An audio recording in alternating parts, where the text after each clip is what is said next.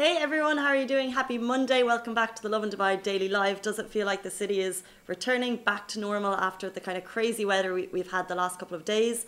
Uh, we have some very cool stories to get through this morning. We're going to be talking about a fab Dubai Mall Cafe, which was the meeting point of world leaders really cool in Dubai the way that can just happen. We're going to be talking about the fact that it was cold enough to make icemen in the UAE uh, over the last few days. I can't wait to show you the picture. It's super cute.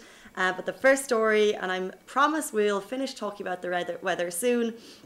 But it was, in fact, over the last few days, the largest rainfall on record in the UAE in the last 24 years. So I know that there was a lot of damages, uh, there was a lot of road flooding, uh, schools were closed, the airport experienced a lot of delays and flight cancellations and now you know at least you know it's going to be it's there in the history books basically for the last 24 years. Um, although I will say what we experienced in Dubai was minor compared to other Emirates and the amount of rainfall they received. So a couple of people kind of saw the report saying it was the largest rainfall on record and questioned if this was the most uh, we've ever experienced in Dubai. When in fact the record goes to uh, Al Shakla in LA and they experienced 190.4 millimeters in 24 days. So that's the largest ever in the last 20, since 1996. And before that it was Khor Fakkan and it was 144 There was a lot and I think we're getting back to normal now. Traffic seems to be flowing a little bit more smoothly this morning. Most schools are back up and running.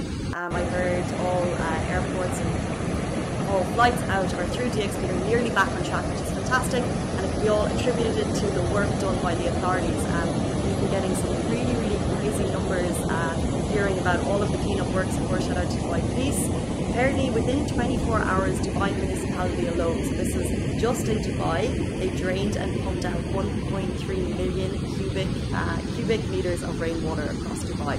So that kind of goes, uh, shows you the extent of kind of what they were working with. People were working around the clock. with the municipality received 3,000, over 3,000 reports.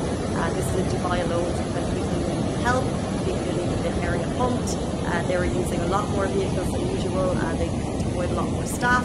They had, I think, 35 pumps on the go across the city.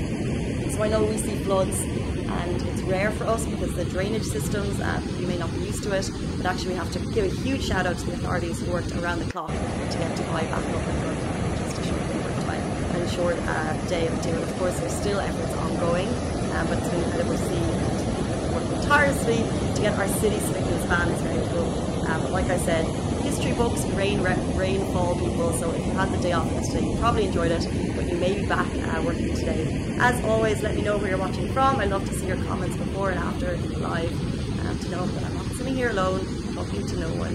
Uh, so yeah, it's nice to see. And then sometimes people share photos of uh, where they are in the world or the rain But yesterday the rain was crazy, by the way. It was like lashing and hail, and I keep thinking, we're going to get to hailstones, and then the sun just came out. It was, it was crazy, but I think we're over and done with. Not sure if I mentioned already the rain might be returning on Wednesday, but not to the same extent, so don't worry. And moving on to our next story.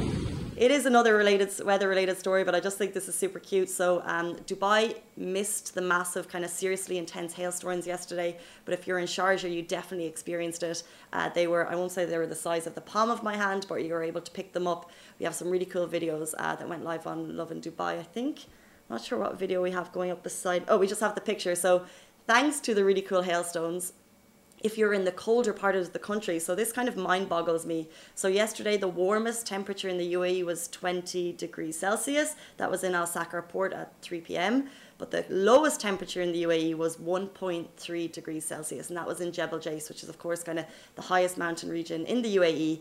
And there, they were able to collect the hailstones and make snowmen. I think they're more like icemen. But how cool is that? Um, we've seen this once before. I remember the last couple of years we reported that someone had made this snowman in Jebel Jais. It's very rare that this happens. Um, the temperatures there are near freezing at the moment, so I guess combined with the hail that they were able to make it.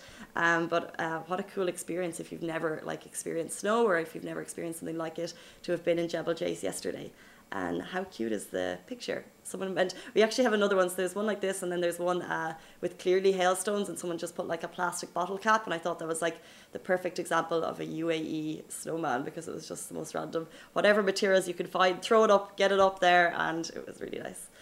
And moving on to our final story Uh, this is just one I like to talk about. So the this Dubai Mall Cafe was the meeting point for the President of the United Nations and MBZ. So His Highness Sheikh Mohammed bin Zayed Al Nahyan, Crown Prince of Abu Dhabi and Deputy Supreme Commander of the United Arab Emirates Armed Forces.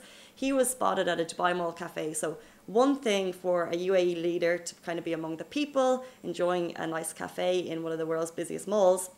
However, on that day, he was also joined by founder of chairman of Emaar Properties, Mohammed Alabbar, and Tijani uh, Mohammed Bande of Nigeria, who's the pres- of Nigeria, who's the president of the United Nations General Assembly. So to kind of bring these great people all together, and they're at two at Symphony, which is this kind of very cute, uh, new-ish cafe open to Dubai Mall, and for the fact that they were all just kind of rest, uh, hanging out there, and it's one of those things that you just don't see in other cities, and I think it's really unique to Dubai, and really great that they were able to be there, kind of unencumbered by all the people around them and just be able to enjoy their cafe and talk about serious world leader things. those are our top stories. I hope you enjoyed them. We are back as always, same time, same place tomorrow, and hope you. Sorry, that was my noise on. I uh, hope you guys have a great day and share us with your rain stories, and we'll see you then. Bye.